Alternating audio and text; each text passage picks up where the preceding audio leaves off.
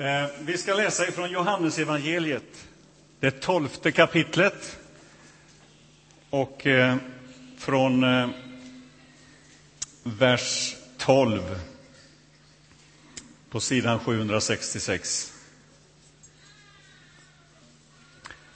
Johannes 12.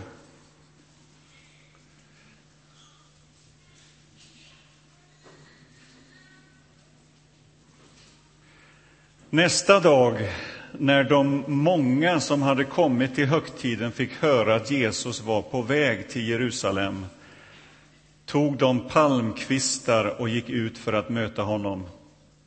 Och de ropade Hosianna, välsignade han som kommer i Herrens namn, han som är Israels konung.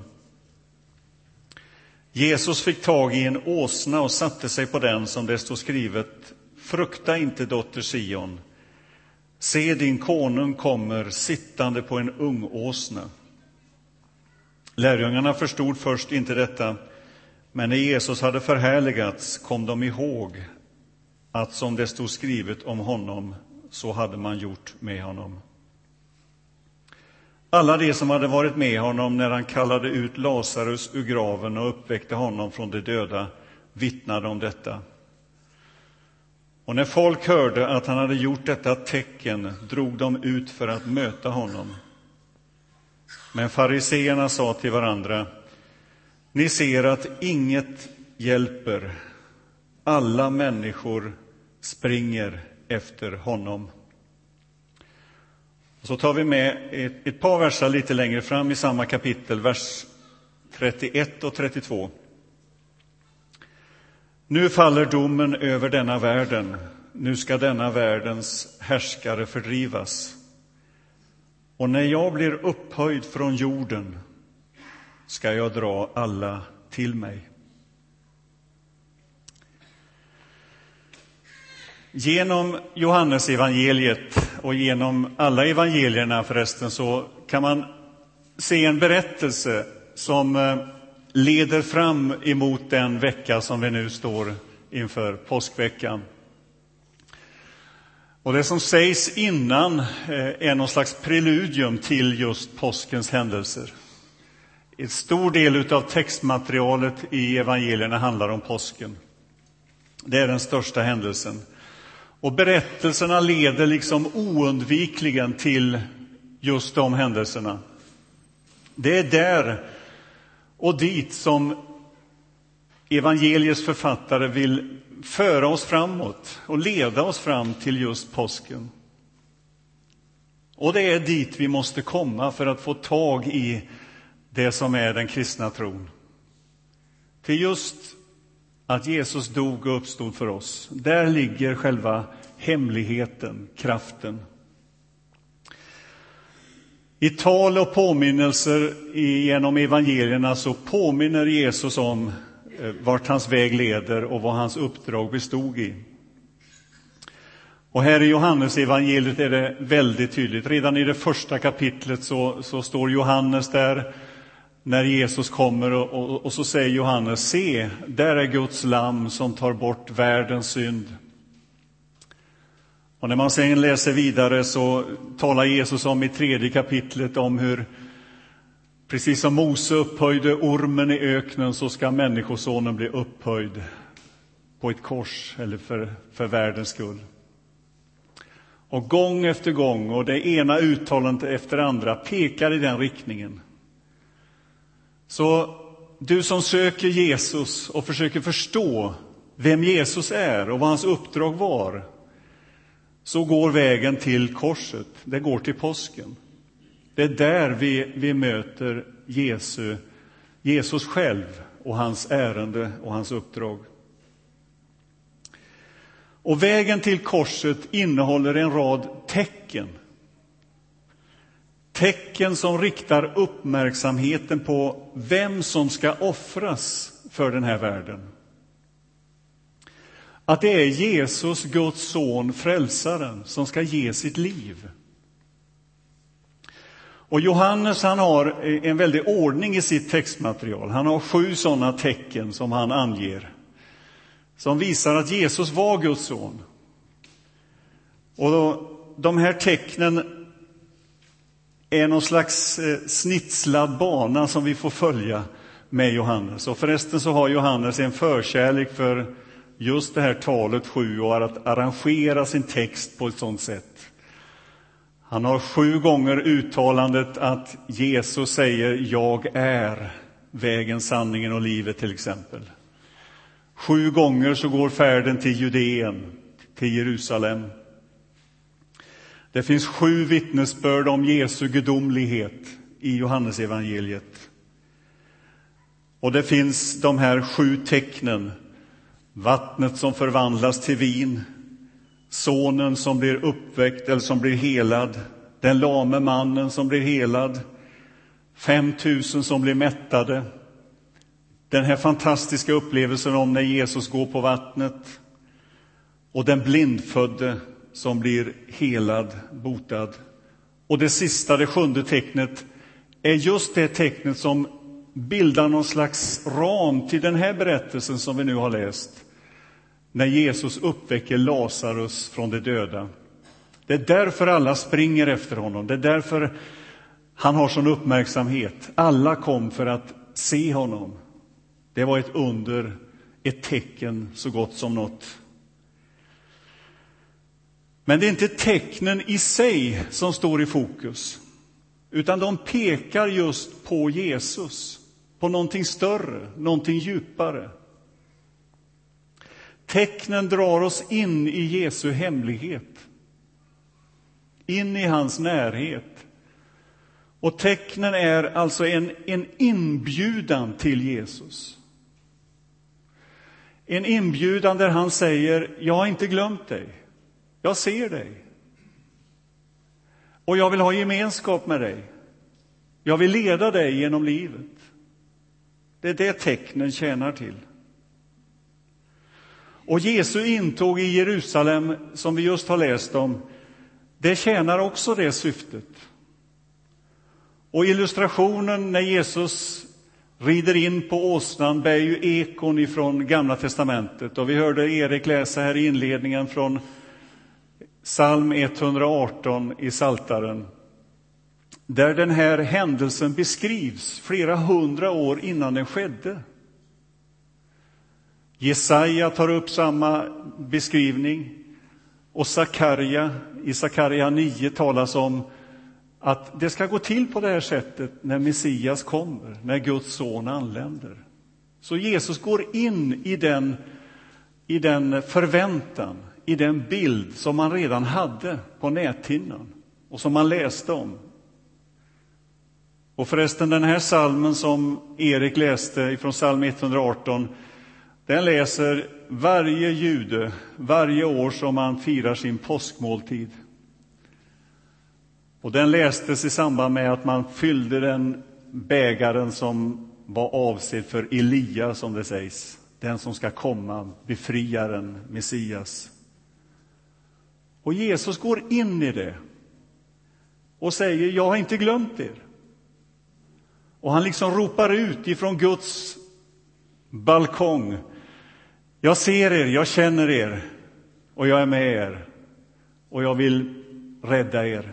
Det är det som är hälsningen. Och Jesus ger oss alltså en bild av hur Gud nu kommer till oss. Nu är väntan över.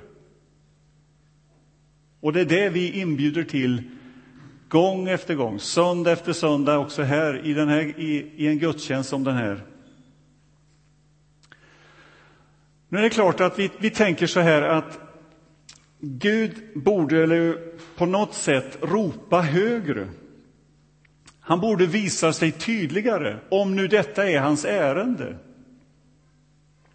Och om vi anlitade en PR-firma så skulle de och hjälpa till med den här lanseringen så skulle de säkert föreslå att vi skulle slå på mycket större trummor och visa det ännu tydligare.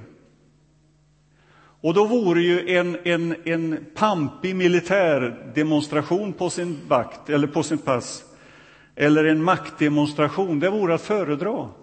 Någonting som mycket tydligare sa det Jesus ville ha sagt. Men Jesus kommer ödmjuk ridande på en åsna för att tala om detta. Och det är på något sätt typiskt Gud.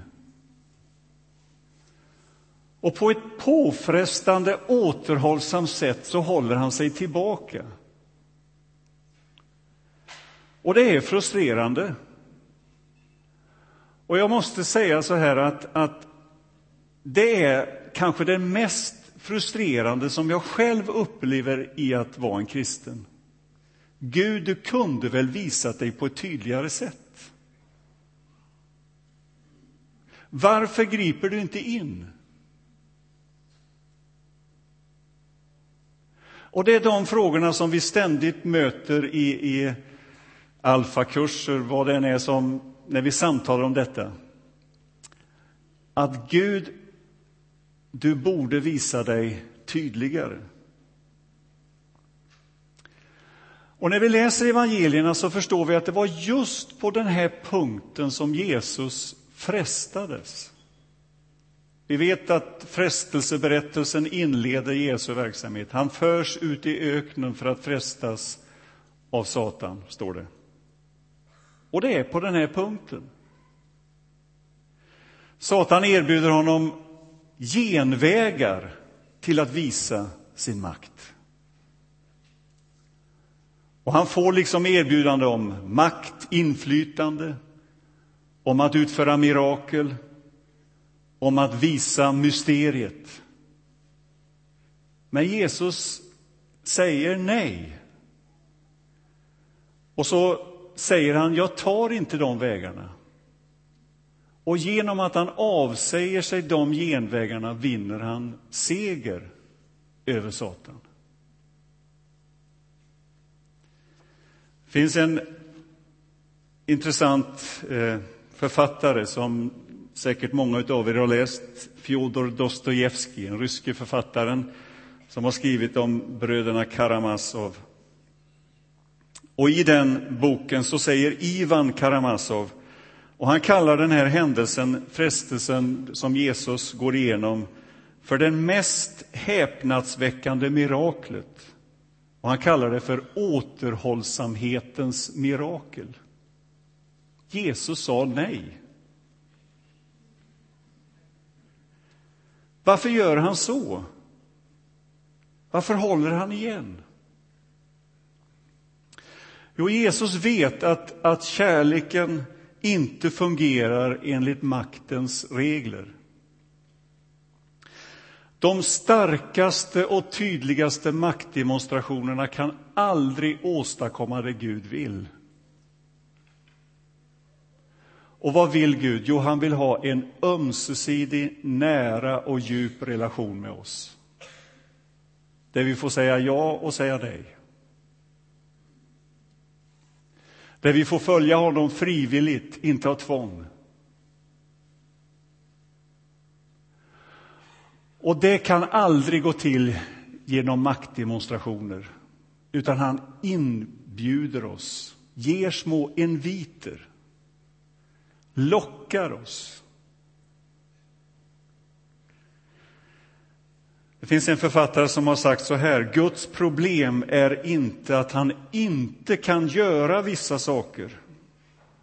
Guds problem är att han älskar och kärleken komplicerar livet för Gud, precis som för alla andra.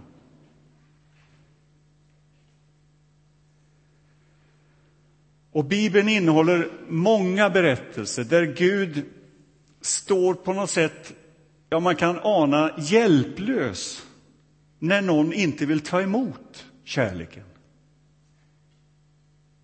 Och när Lukas beskriver den här händelsen som vi nu har läst, den finns alltså i alla fyra evangelierna, när Lukas beskriver den så ger han bilden av hur Jesus sitter där på åsnan och gråter.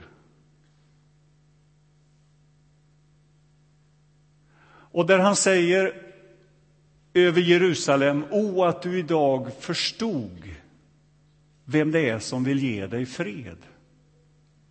Om du bara visste. Och i Gamla testamentet finns det flera sådana berättelser om hur Gud liksom framställs som svartsjuk, längtansfull. Han som är kärleken söker oss.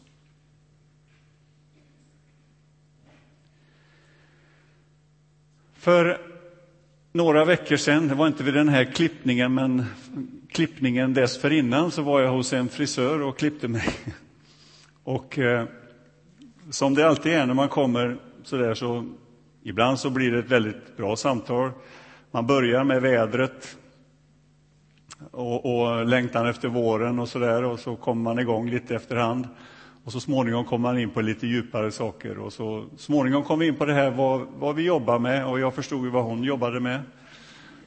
Eh, och så ställer jag så här att kan du gissa vad jag jobbar med? Det är alltid spännande vad man förknippas med. Och det var många yrken som skulle vara trevligt att ha haft. Och eh, om vi hade frågat vem, vad hon trodde jag hette så skulle hon säkert sagt Lennart. För det har många sagt, men det heter jag inte. Men i alla fall, vi pratade och så småningom kom fram till att jag är pastor i, i Saronkyrkan. Jaha, det är den kyrkan som är eh, som har second hand, för det känner man till. Och eh, du är pastor, och så lägger hon ifrån sig sina verktyg. Äntligen en pastor. Jag har en fråga. Och så berättar hon, jag måste få svar på den här frågan, säger hon. Jag var inne i en kyrka någonstans här i Sverige och gick in i den kyrkan. Jag hade min mobiltelefon med, med kamera i och tog några bilder på vackra föremål som fanns inne i den där kyrkan. Och jag tyckte de var fina och de ger mig någon slags stämning. Jag går in, ofta in i en kyrka och sätter mig. Och så tog jag de här bilderna och så var jag där en stund och så gick jag därifrån. Och så rätt vad det är så piper telefon. Och jag tar upp telefonen och vad ser jag om inte de här bilderna kommer upp, den ena efter den andra. Och det händer inte bara en gång, det händer flera gånger att bilderna kommer upp. Och så spänner hon ögonen i mig. Pastorn, vad betyder detta?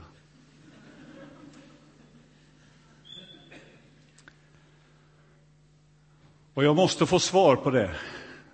Kan det vara ett tecken? Ja, så jag, det är ett tecken. Det är ett tecken. Jag tror att Gud sätter upp små post-it-lappar där han liksom säger, jag finns. Jag söker dig. Och de där post-it-lapparna kan se väldigt olika ut och det står olika saker på dem. Och jag tror att vi alla har sådana erfarenheter på något sätt där vi har anat att här, här var det någonting som jag inte kan förklara.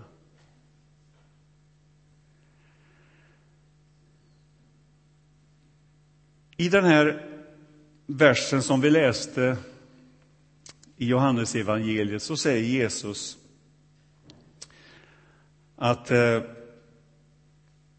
när jag blir upphöjd från jorden ska jag dra alla till mig.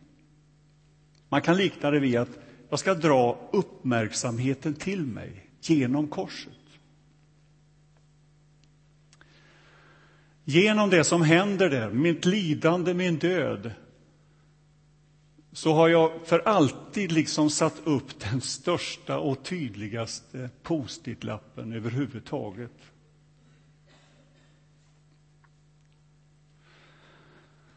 Och därför så skulle jag vilja uppmuntra dig och uppmana dig så gott jag kan att sök dig fram till just den händelsen. Där finner du det största och tydligaste beviset på det Gud vill, Guds kärlek till oss. Och där på korset har, har Gud tagit bort alla de hinder som ligger i vägen för oss att få denna nära, ömsesidiga relationen med Gud själv. Det är möjliggjort tack vare Jesu död. Korset är ett mysterium. Påskens händelser är en gåta på många sätt. Men det är det svaret. Det är den tydligaste inviten från Gud. Jag har inte glömt dig. Jag har inte övergett dig. Jag är med dig genom livet. Alltså, Gud placerar sig på en nivå där han är åtkomlig i våra liv, i vår vardag. Sådant som livet ser ut. Och så inbjuder han oss på denna vandring där inte tron bygger på att jag i första hand ser bevisen utan att där jag upplever erfarenheten tillsammans med Gud.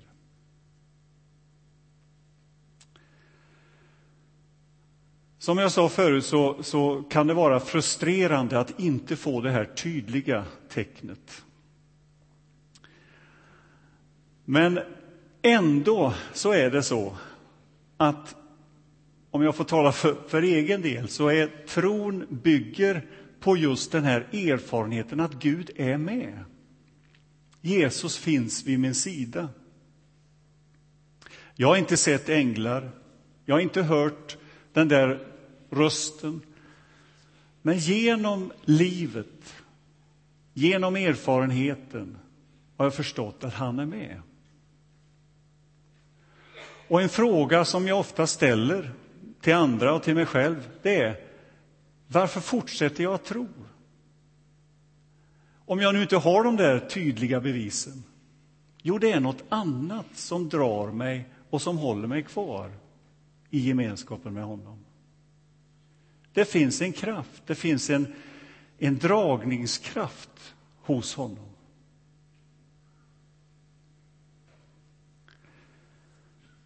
Nu tänkte jag så här att här finns en tavla. Och i den stund som vi har alldeles strax med nattvard och förbön så ska du få möjlighet att, att eh, gå fram och kanske skriva den här post-it-lappen att Gud har varit med mig på ett sånt här sätt. Jag har hört eller sett Gud så här. Vad hände? Vilka post-it-lappar har du sett? Och så skrev jag ner några själv.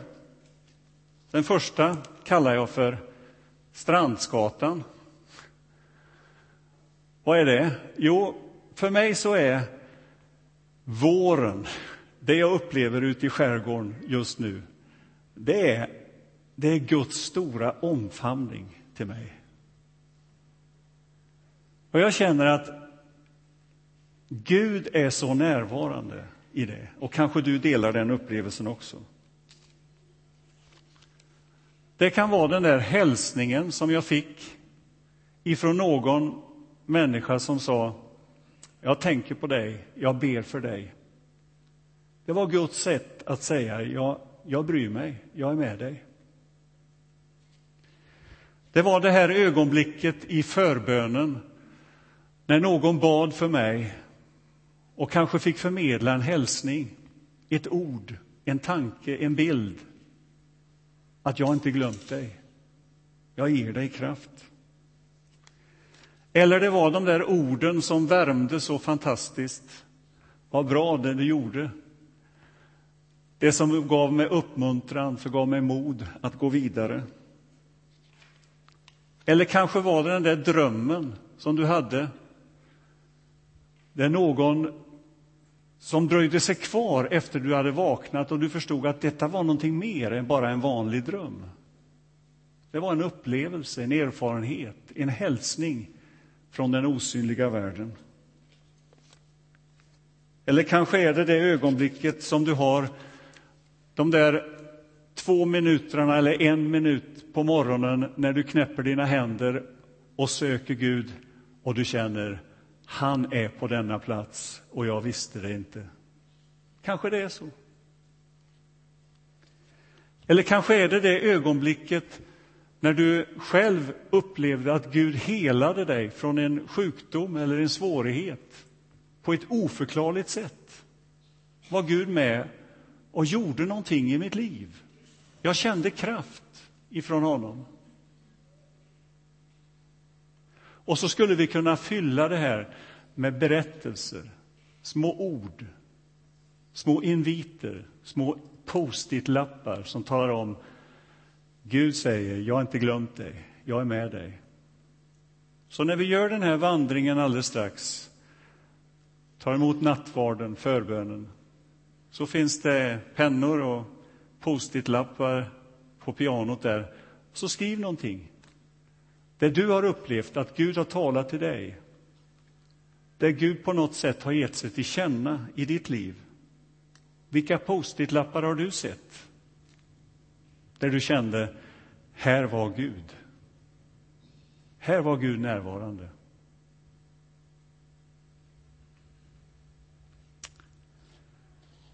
Låt oss be. Tack Gud att du är mitt ibland oss i detta rum.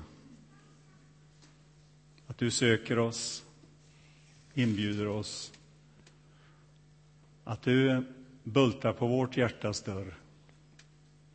Tack att vi får öppna och ta emot dig. Amen.